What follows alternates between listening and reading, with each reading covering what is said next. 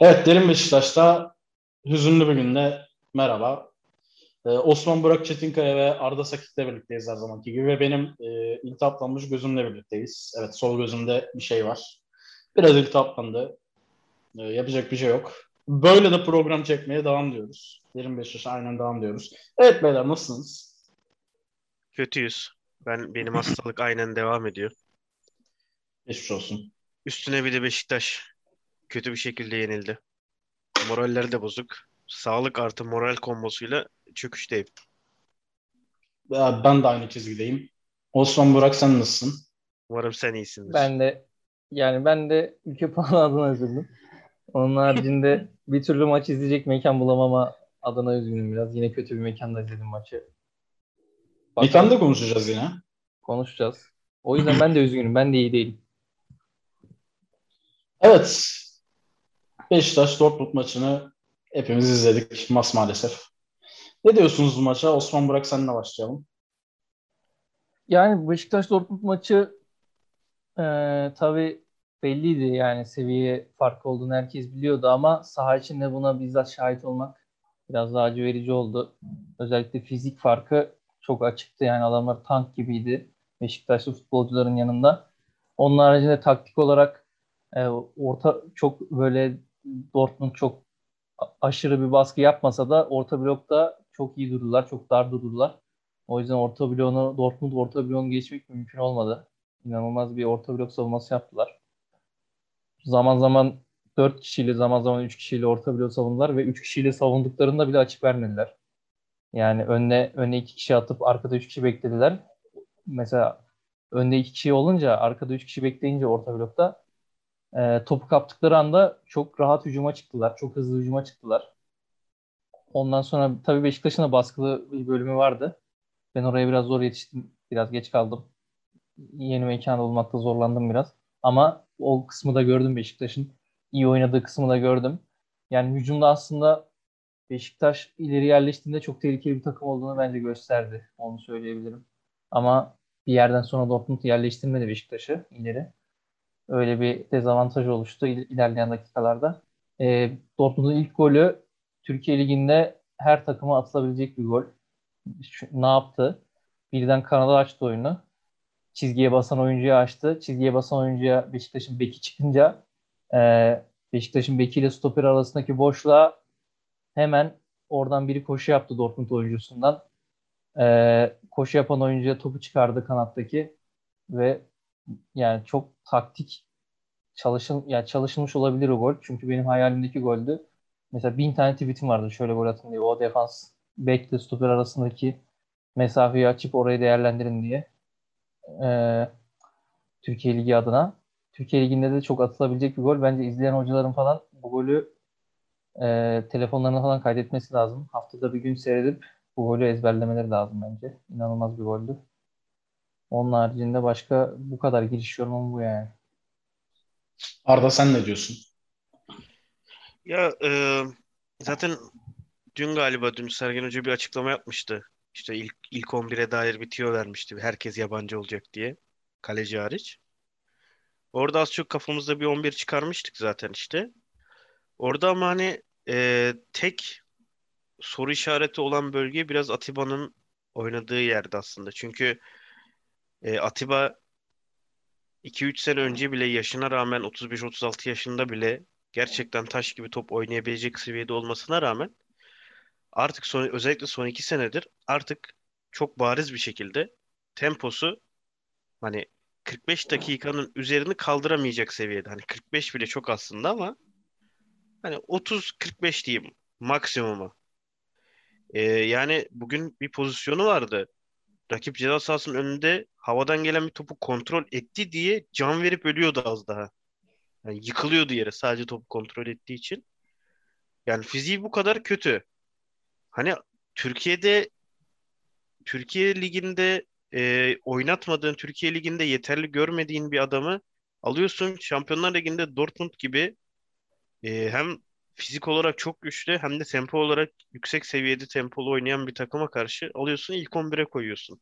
Bence Sergen'in oyuna başlangıç planı özellikle ilk 15-20 dakika gördüğümüz gibi başlangıç planı çok doğruydu. Ama ee, yani Atiba yerine koyacağın herhangi biri Necip de olabilir, Salih de olabilir. Ne bileyim işte yani herhangi birisi maçın gidişatını çok etkileyebilirdi bence. Çünkü o ilk 15-20 dakika gerçekten inanılmaz oynadık yani. Dortmund hem topla oynama oranında olsun işte poz Dortmund'un ilk şutu zaten golle birlikte geldi. İlk şutta golü attılar.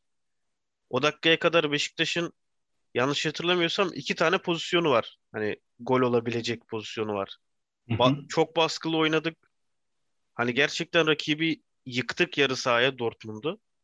Ama işte golden sonra da bir anda hani bıçak kesmiş gibi oyun 180 derece tersine döndü. Bir anda her şey değişti. O işte ilk 20 dakikada çok seri pas yapan, çok iyi dağılan, bir anda hücuma çıkarken hızlı çıkıp genişleyen takım bir anda iki pas üst üste yapamaz oldu. Bir anda orta sahada ikili mücadeleye girdiğinde ayakta kalamaz oldu. Bir anda normalde e, pres altındayken görebildiği pas opsiyonlarını boştayken görememeye başladı. Bilmiyorum hani bunu bir taktikle açıklamak bence mümkün değil. Çünkü iki dakika önce yaptığını iki dakika sonra yapamıyorsan taktikle bir alakası yok bence bunun. Artık ilk golü yemenin getirdiği dezavantajla beraber moral çöküntüsü mü oldu ya da işte ilk 20 dakika çok baskılı ve tempolu başlayınca golle beraber bir enerji düşüklüğü mü oldu ya da Beşiktaş bütün planını öne geçmek üzerine kuruyordu ve e, geriye düştüğünde şöyle yaparız şeklinde bir planı mı yoktu?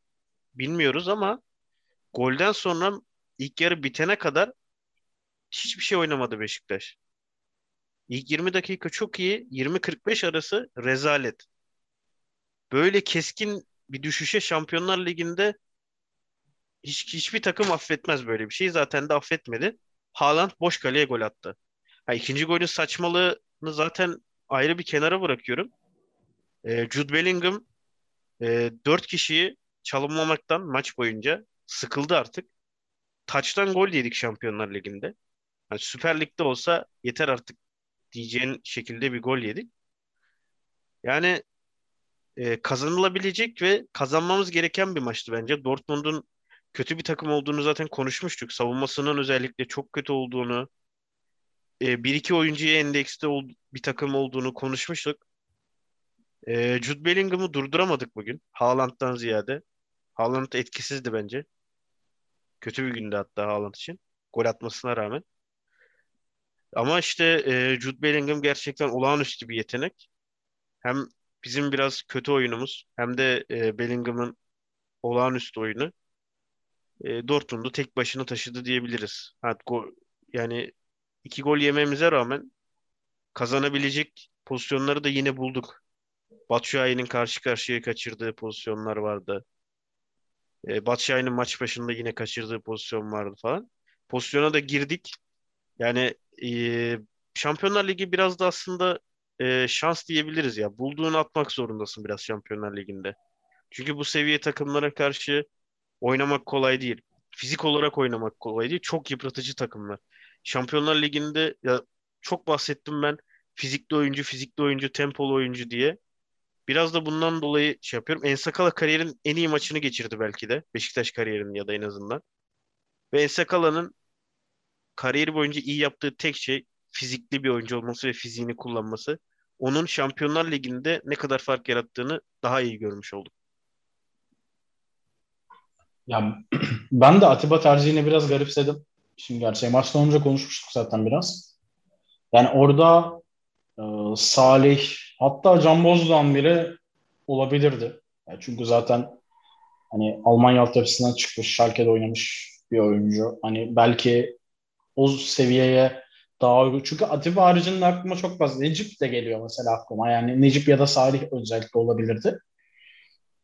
Ama Atiba olmazdı. Yani orası çok net. Yani ligde bile temposu yeterli olmayan bir oyuncunun Şampiyonlar Ligi'nde ilk 11 çıkarılması, sonra 80 dakika sahada kalması.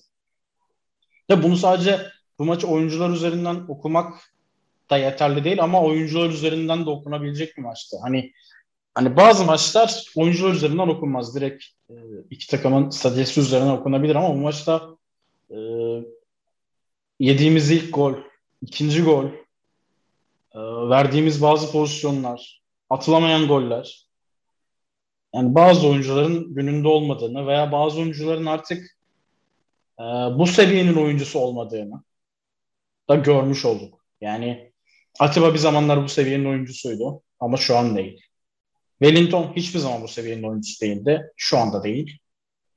Ee, yani benim de giriş olarak söyleyeceğim bu kadar. İlk golü biraz konuştu Osman Burak. Ee, sana da sorayım.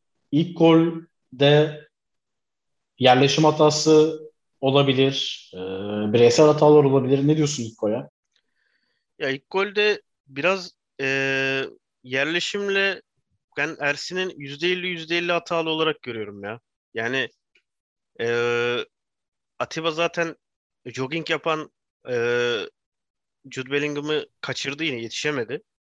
Adam jogging yaparak e, hafta sonu yürüyüşü yapmasına rağmen Atiba yetişemedi herife. Ama e, Ersin de yani çok dar açıdan üzerine vuran yani üzerin vurabileceği tek açı var adamın. Yani vurabileceği tek yer var ve üstüne vuruyor. E, yani o gol yememesi lazımdı Ersin'in ya da herhangi bir kalecinin. Yani o kadar güzel bir oyundan sonra o kadar güzel bir başlangıçtan sonra e, Dortmund'un ilk şutunun e, bu kadar basit bir gol olması tabii organize bir atak ama sonuç olarak hani final vuruşu bence gol olmaması gereken bir vuruştu. Ya işte e, burada birçok şeyden bahsedebiliriz. İşte Atiba yerine istediğimiz tempolu orta saha oyuncusu ya da işte Atiba bu takıma bu maça başlarken ne katacağını düşünerek başlattık. Mesela tempo mu? Ne bileyim işte pas kalitesi mi? Ya da e, savunma direnci mi? Ya abi Necip ya da Salih de istediğin şeyleri fazlasıyla verirdi. Tamam Salih de savunması inanılmaz iyi olan bir adam değil. Ama en azından ne bileyim Salih o golü yedirtmezdi muhtemelen. Necip kesin yedirtmezdi. Salih de yedirtmezdi muhtemelen. Yani ikisinden birini tercih etse muhtemelen ilk golü konuşmayacaktık. Ee, ilk gol için söyleyeceklerim benim bu kadar. Yani Ersin'le savunma yerleşimini %50 %50 diyorum. Hatta %50 Ersin, %40 Atiba, %10 da yerleşim derim. İlla detaylandırmak gerekirse. Ya bence de orada bireysel hata da fazlaydı. Yani yerleşim hatası da yaptık. Ama Atiba'nın o tempoda koşan bir oyuncuyu yakalaması ve topu bir şekilde yani daha zor bir pozisyona sokması, biraz daha taç çizgisine doğru yönlendirmesi gerekiyordu Bellingham'ın. Onun haricinde oradan sonrasında da Ersin'in topu oturarak kurtarmaması gerektiğini öğrenmesi gerekiyor.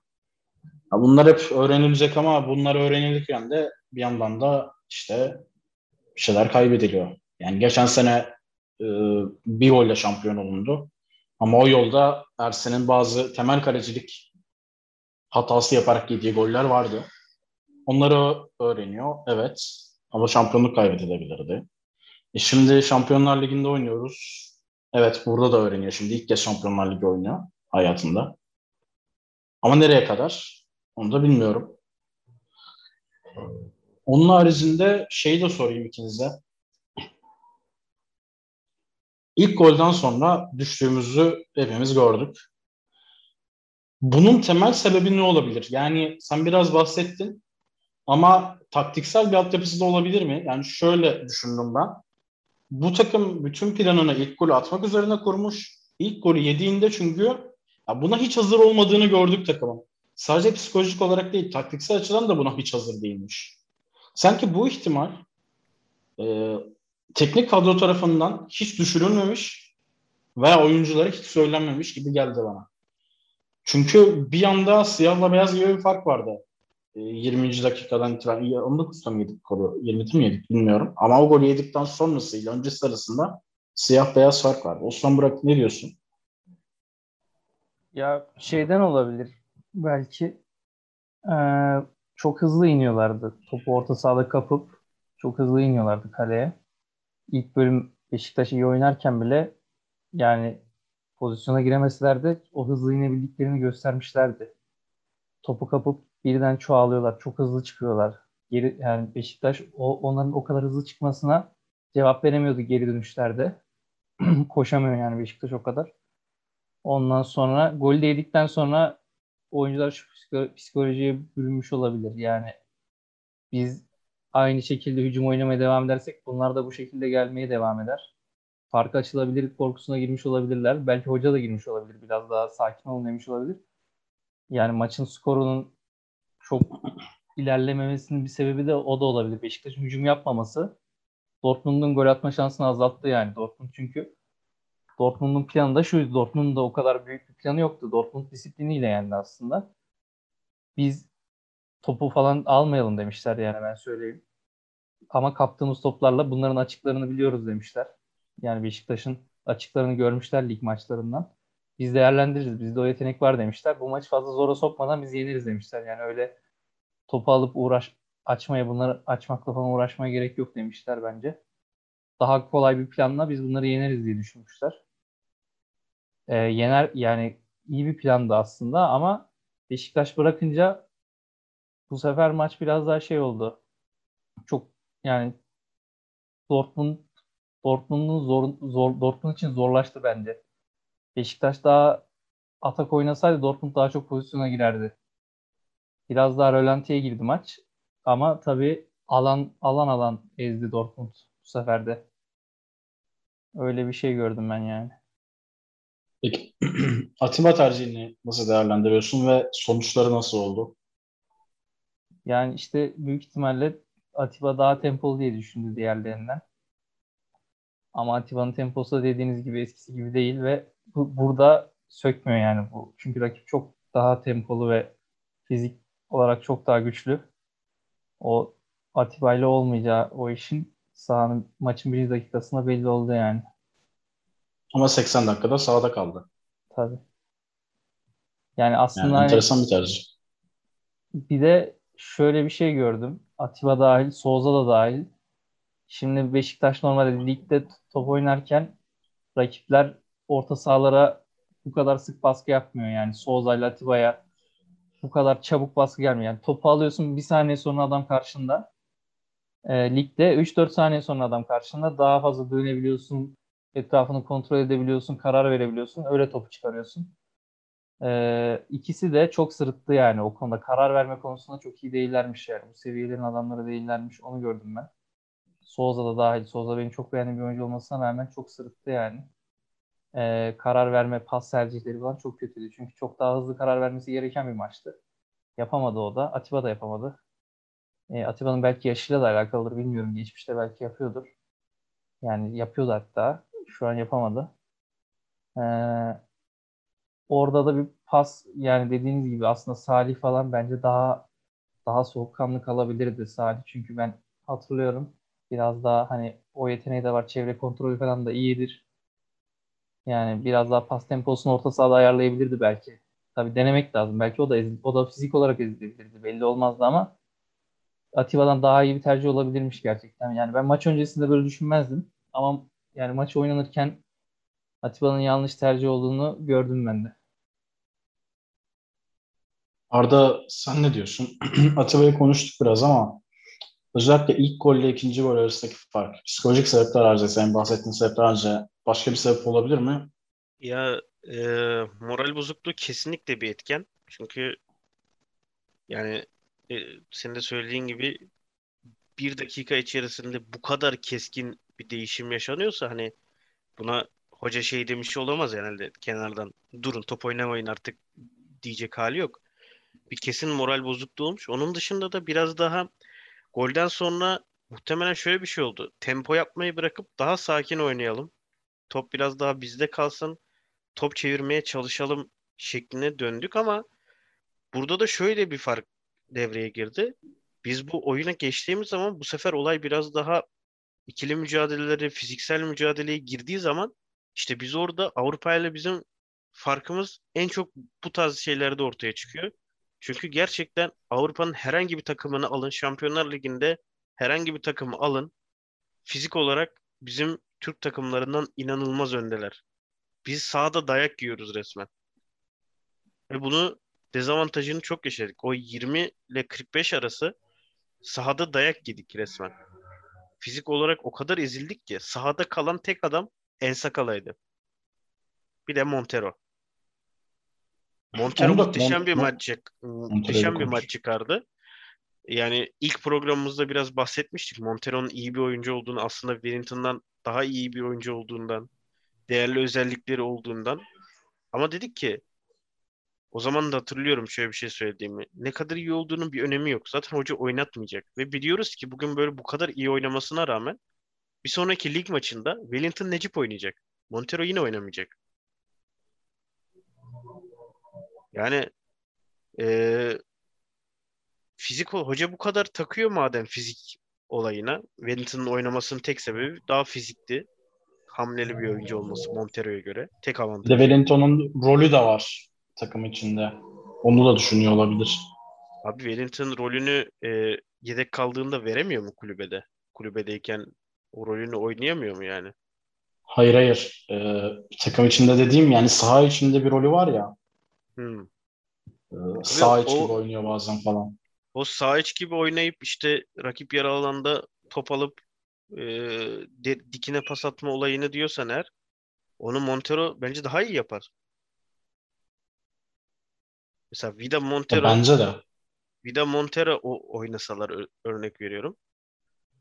Yani Montero'yu sağ stopere attığın zaman e, Montero da daha iyi, iyi bir şekilde yapar aynı işi. Ve daha genç Evet. en azından kendi değerini üretmiş olursun böylece. Sonraki seneleri Wellington'ı ne kadar daha kullanacağız ki? Bu seneden sonra mesela daha kullanmayı düşünüyor muyuz ya da? Bilmiyorum. Yani Açıkçası o Sergen Hoca'ya bağlı. Montero her türlü oynaması gereken bir adam. Ee, ya dediğim gibi olayı biraz konuyu biraz dağıttık ama fizik olarak işte bizim Pjanic transferinde konuştuğumuz şey şuydu biraz. Tempolu ve fizikli orta saha isterken işte işte aslında Şampiyonlar Ligi gibi maçları Avrupa maçları için istiyorduk biz bu orta sahayı. Ve bugün niye ihtiyaç duyduğunu çok iyi gördük.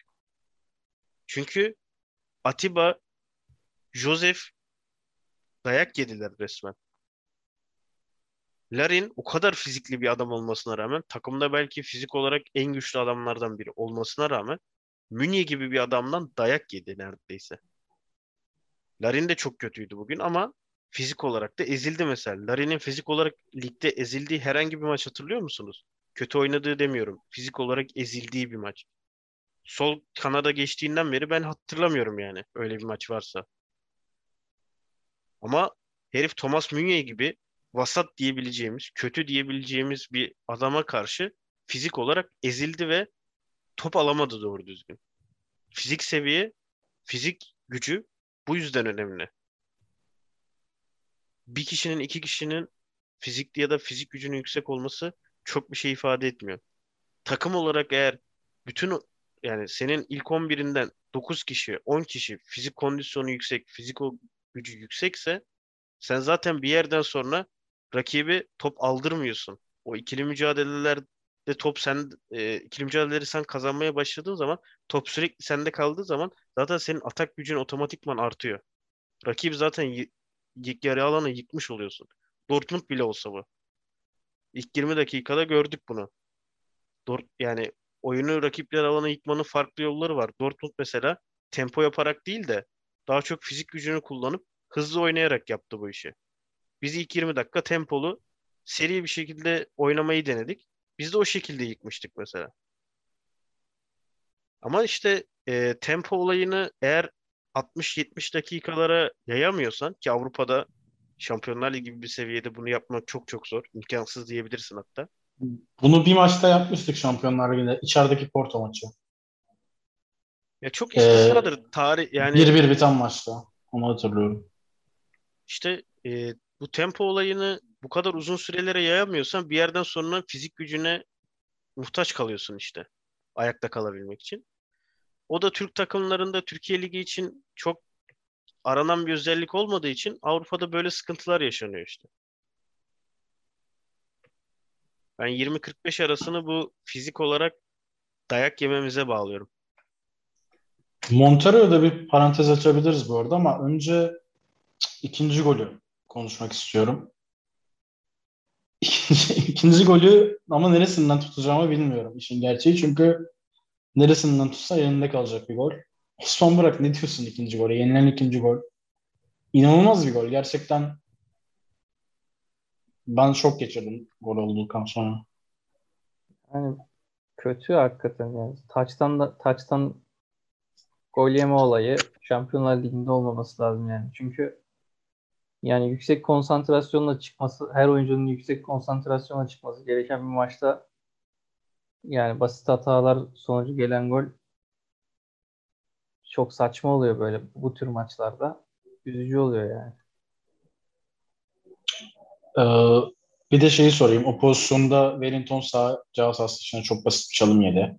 Maç içinde zaten rakip oyuncular Wellington'u çalınmaktan sıkıldılar artık yani bittiler yani bu adamı zaten çalınmadık ya hani bir daha mı çalınacağız şimdi falan neyse çalınlayalım hadi falan şeklinde geçti maç.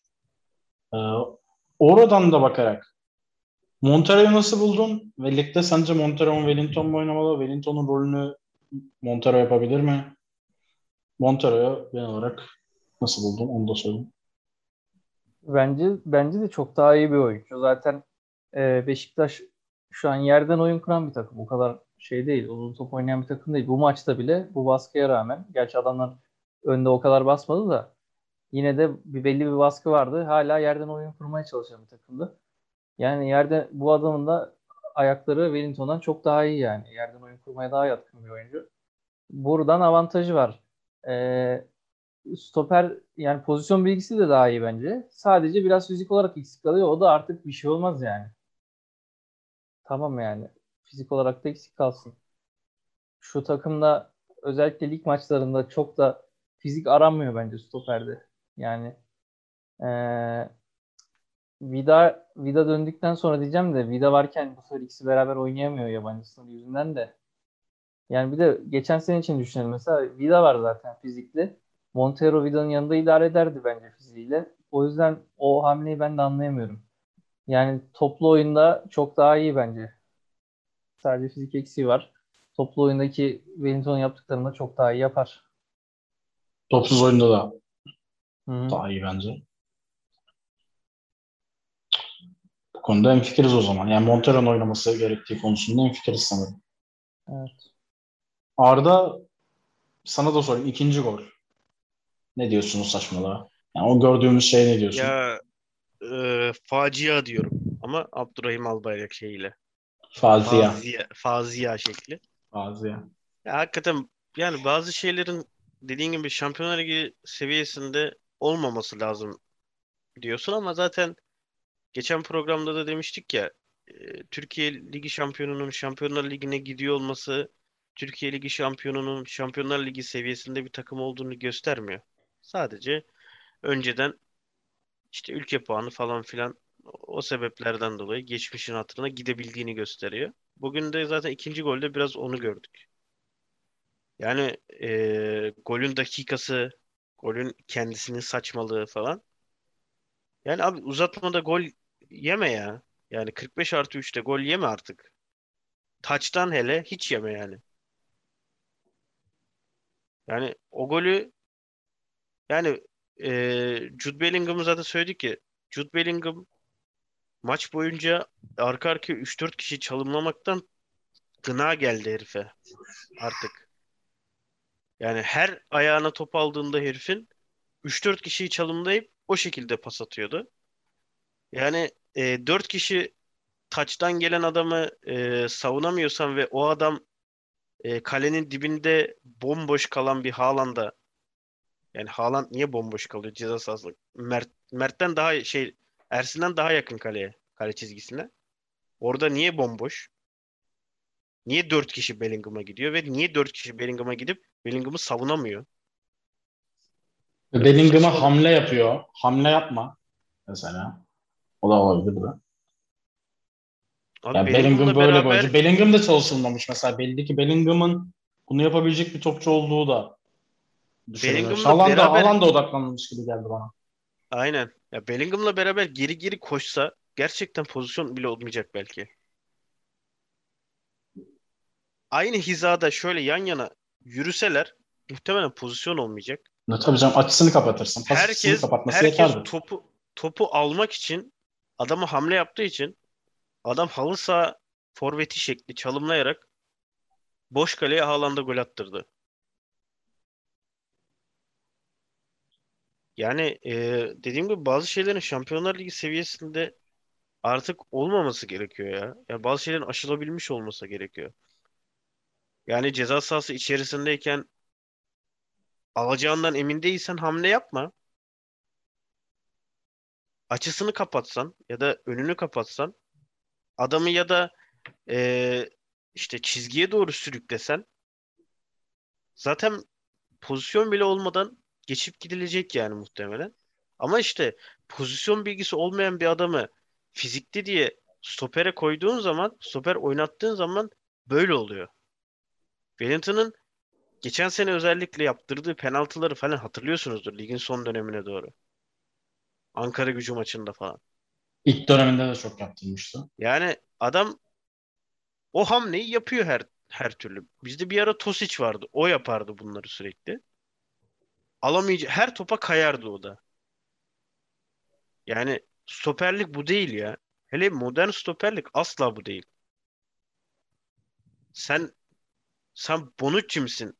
Her at, atladığın topu alacaksın. İlla ha- topu almak zorunda değilsin. Savunma yapmak illa adamın ayağından topu almak demek de değil. Yani Wellington evet bu seviyelerin oyuncusu değil. Orası çok belli. Ve yazın neden bir stoper alınmadı Wellington'dan daha iyi? O da tartışılır. Ya da neden Wellington oynuyor, Montero oynamıyor? O da tartışılabilir. Bunlar hocanın kararları. Biraz yönetimsel kararlar tabii. Yani Wellington'un yerine bir daha iyi stoper bence hoca istemiştir. istiyordu da zaten. Alınamadı. Hani dünya üzerinde sadece Godin mi vardı? İşte o da yönetimin transfer stratejisi galiba. Yani gerçekten ikinci gol çok bu seviyelerin takımı henüz olmadığımızın çok net bir göstergesiydi. Hoca da aynı şeyi söyledi. Hani bu seviyede yemememiz gereken bir gol diye ama yedik. Yani bunu düşünmemiş miydik? Bunu çalışmamış mıydık? Ya da şöyle bir şey de var. Hani işte Rozier, Wellington çok kötüler. Bu maç. Rozier bu sene zaten genel olarak çok kötü. Yani bu seviye oyuncularla çıktığında da demek ki Rozier de bu seviyenin oyuncusu değilmiş. Ama bu seviye oyuncularla çıktığında da artık elinden de bir noktaya kadar bir şey gelebiliyor herhalde. Yani orada o oyuncuya hamle yapmaması gerektiğini hoca A takım hocası söylemez. 25 yaşının üstündeki oyuncuya yani 20 20 süreçin üstündeki oyuncuya A takım hocası söylemez. O oyuncu kendisi bilir onu. Çünkü daha önce öğrenmiş olması gerekir onu. Ya zaten abi eee, şöyle bir direktif mi vermesi gerekiyor? Taç kullanılırken adam üstüne gelirken adamın açısını kapat demek çok saçma değil mi zaten? Çünkü hani savunmacılık 101. Stoperlik oyunculuk 101 bilgisi. yani. Oyuncu oyun bilgisi abi bu. Oyunculuk yani stoperlik falan değil. Direkt oyun bilgisi bu. Yani senin futbolla başlarken öğretilen şeylerden biridir bu. Futbol kurallarıyla beraber. Rakibinin stoper- mümkün olduğu kadar kaleden Karşıla. kaleden uzak tutmak senin görevin. Ve karşılamak mümkün mertebe kaymamak, hamle yapmamak ve karşılamak. İşte ya dediğim gibi 30 yaşına gelmiş, 30-31 yaşında bir e, stopere e, direktif versen de işte bir yere kadar oluyor. Yani çünkü e, futbol anlık gelişen bir oyun olduğu için e, hocanın yapabilecekleri de kısıtlı. Yine kapalı kapalı kapalı e, kapalı kapılar ardında neler konuşulduğunu da bilmiyoruz stoper konusunda. Yani hoca mesela yabancı sınırından dolayı işte tamam Godin'i almayın. Kaan Ayhan oluyorsa olsun mu dedi ya da işte Kaan Ayhan'ı alın kesin alın dedi alınamadı mı? Ya da işte Kaan Ayhan'a verilecek bonservisi işte atıyorum forvete ya da işte alınacak Pjanic'e verim mi dedi. İşte o kısımları da muallak. Beşiktaş'ın ama bir stoper hocanın da bir stoper istediğini ve o stoperin de Wellington'ı kesecek bir stoper olduğunu biliyoruz. Yani istediği tipin. Ama alındı, alınan adamın geçen sene Wellington'ın yediği olan, olan adam olduğunu da biliyoruz ki bunu hocanın istemiş olma ihtimali sıfır. Çünkü hocanın ısrarla söylediği şey iyi bir stoper istiyorum. İyi bir stoper istiyorum. Geçen sene elinin altında olup da oynatmadığı adamı hocanın tekrar isteme ihtimali var mı? Hani Ahras falan değilse hoca. Yani şey demiş e, Candaş da olduğu programda mı? Hani Montero'nun ayağı falan Montero övmüş biraz hani ayağı falan çok iyi vesaire demiş ama o yüzden, o yüzden oynatmıyorum mu demiş. Onu bilmiyorum. Yani ama ayağı çok iyi falan onda falan demiş. Stoperliği ile alakalı bir şey dememiş ama. Sadece ayağı çok iyi demiş. Bilmiyorum. Ya işte, niye oynatmıyor ya da istedi mi gerçekten onu bilmiyoruz. Bu arada e, Dortmund'un mesela 4'e 5'e gidebilecek pozisyonları oldu. İkinci yarıdan konuşalım biraz. 4'e 5'e gidebilecek pozisyonları oldu. İşte boş kaleye direkten dönen top olsun. Haaland'ın boş kaleye dışarı attığı olsun. Bir iki defa işte ceza sahasından Ersin'in karşı karşıya kurtardıkları olsun. Ceza sahası içinden vurulup işte son anda engellenen toplar olsun. Dortmund'un 4'e 5'e gidebilecek pozisyonları oldu. Dortmund 2-0 olduğu için oyun uzunca bir sürede 2-0 kaldığı için biraz daha rolantide oynadı hatta. Oyuncu değişiklikleriyle falan. Bellingham çıktıktan sonra çok sade bir takım oldular bu arada. Bellingham sakat bir adele sakatlığı yaşadı. 70. dakika gibiydi galiba oyundan çıktı. Son 20 dakika yine biraz daha kıpırdadı Beşiktaş mesela. Bellingham'dan sonra Beşiktaş daha yine daha mesela 45-70 arası yine Dortmund üstünlüğüyle geçen bir süreçti. Sonra 70'ten sonra daha ortada. Beşiktaş'ın da pozisyonlara tekrardan girdiği, Beşiktaş'ın da gole yaklaştığı dönemler olduğu e, anlar oldu. E, o anlarda Dortmund 5'e gidebilirdi. Beşiktaş 3-2'ye getirebilirdi. Gitgelli bir maç oldu. Ee, ama tabii Dortmund'un genel olarak maç boyunca Beşiktaş'tan daha üstün olduğunu söyleyebiliriz. Yani ki Dortmund'un savunmasının ne kadar kötü olduğundan bahsetmiştik. İki tarafında kesinlikle gol yemeye çok müsait olduğundan bahsetmiştik. Ee, ben bu kadar kötü bir savunması olan e, Dortmund'u en azından içeride e, yenebileceğimizi düşünüyordum açıkçası. İşin gerçeği. E, çünkü gerçekten hücumda e, kaliteli oyuncularımız ve çok iyi ayaklarımız, çok iyi oyun yapabilecek oyuncularımız var. Gördük yani bu maçta da. Biraz da futbolda işte şans anları da çok önemli. Belki işte 15'in ilk 15-20 dakikada Batshuayi'nin attığı kalecinin çıkardığı bir pozisyon var. Belki hani gol olsa başka şeyler konuşuyor olabilirdik şu an. Birkaç tane atlanılan mesela bizim duran top olayımız var. Faul, hani kritik yerlerde yapılan fauller es geçildi. Ki bu takımın duran topta inanılmaz bir tehdidi aslında baktığımız zaman. Çünkü evet. iki, iki taraf her taraftan direkt kaleyi de vurabilen, e, iyi ortak kesebilen hem sağ ayaklı hem sol ayaklı iki tane oyuncumuz var.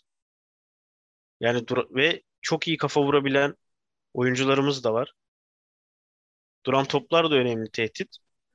Ee, yani dediğim gibi bu maçtan ben galibiyet bekliyordum. Hocanın özellikle Dortmund'un bu kötü savunmasını iyi değerlendireceğini düşünüp ona göre bir planla çıkacağını düşünüyordum ama hoca da biraz eksik kaldı bence. Değişikliklerde de geç kaldı. Oyuna müdahale etmekte de biraz geç kaldı. Maça çıkış planı olarak da bence Atiba kararından bahsediyorum. Yanlış başladı ve yanlışından uzun süre dönmedi. E, tabii gol daha erken gelse mesela atıyorum 75'te gol gelse yine farklı bir maç izliyor olabilirdik. Futbolda işte şans anları bu yüzden biraz önemli. Yapacak bir şey yok. Yani bu bu Dortmund'dan bence yine en kötü dışarıda bir puan almamız lazım. Çünkü Dortmund yenilmeyecek bir takım kesinlikle değil. Hatta bu grupta yenmesi en kolay takımlardan biri bence. Yani kazanma ihtimali olarak söylüyorum. Savunmasının kötülüğünden dolayı. Kaliteden değil de savunmasının kötülüğünden dolayı. Çünkü gerçekten iki oyuncunun ayağına bakan evet kaliteli çok oyuncusu var. Bütün oyuncuları fizik kuvveti yüksek ve tempolu ama genel olarak iki oyuncunun ayağına bakan iki oyuncuya endeksli bir takım ve Bellingham çıktıktan sonra aslında o kadar da e, üretken bir takım olmadığını daha iyi gördük bence. Buradan da e, diğer takımları yani diğer kalan maçları biraz konuşmak istiyorum. Yani Ajax'ı izlediğinizi bilmiyorum. Hollanda Ligi çok ben izlemiyorum işin gerçeği. Ama Sporting'i en azından Osman Buran izlediğini biliyorum. Ee, bugün de Ajax Sporting'i 5-1 yendi bu arada. Yani korkutucu bir skor. Bizim gelecek maçlarımız adına. Ama Sporting'in de yenilmesi tabii. Ve Sporting'in belki düşündüğümüz kadar iyi bir takım olmaması ihtimali de bizim hedef maçımızın Sporting olabileceğini gösteriyor. Osman Burak, e, kalan maçlara, Sporting ve Ajax maçlarına ne diyorsun? Ne olabilir? Beşiktaş ne yapabilir bu maçlarda ve bu takımların da şu anki durumunu göz önünde bulundurarak? Yani Sporting çok zor bir ligde. Yani iki tane Benfica ve Porto geçen sene iyiydi. Kötü değildi. Bence yani e, en iyi tabii eski Porto eski Benfica olmasa da bayağı top oynuyorlardı yani şey takımlardı. E, taktik disiplini yüksek takımlardı.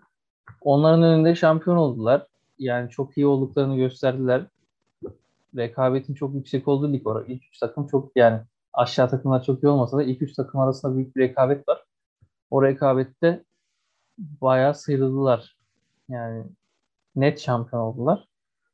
O yüzden e, Sporting zor takım aslında ama Ajax'tan 5 yemişler. Ben hiç beklemezdim Ajax'tan 5 yediklerini. Ajax'ın son durumunu bilmiyorum tabii. Ajax daha isim olarak daha güçlü bir takım. Ama 5 tane de, de deplasmanda 65 taneyi 5 gol atacak bir fark arasında fark olduğunu hiç düşünmemiştim de tabii maçında tabii maçında kendi kırılma anları falan da olabilir. Belki bir yerde koptu maç. Bir şeyler olmuş olabilir. Ama 5-1 yenilse de Sporting'in ben zor bir rakip olduğunu düşünüyorum. Belki içeride puan alınabilir.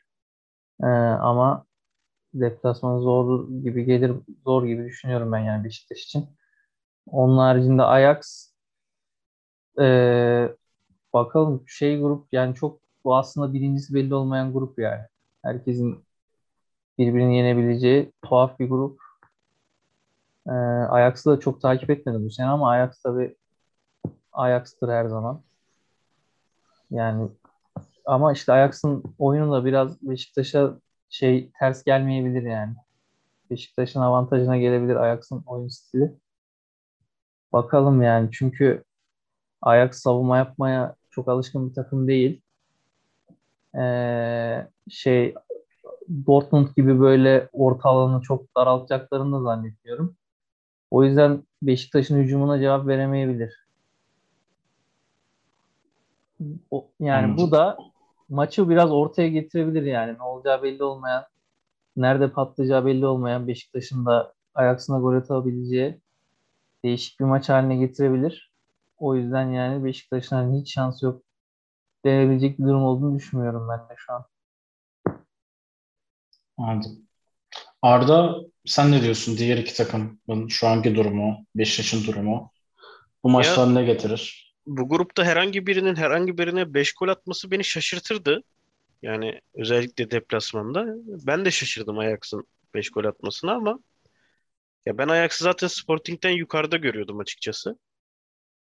Ee, ama Ajax'ı ben biraz hani oyun olarak değil ama takım olarak Dortmund'a benzetiyorum biraz fizikli, güçlü oyuncular, genç oyuncular, tempolu oyuncuları var.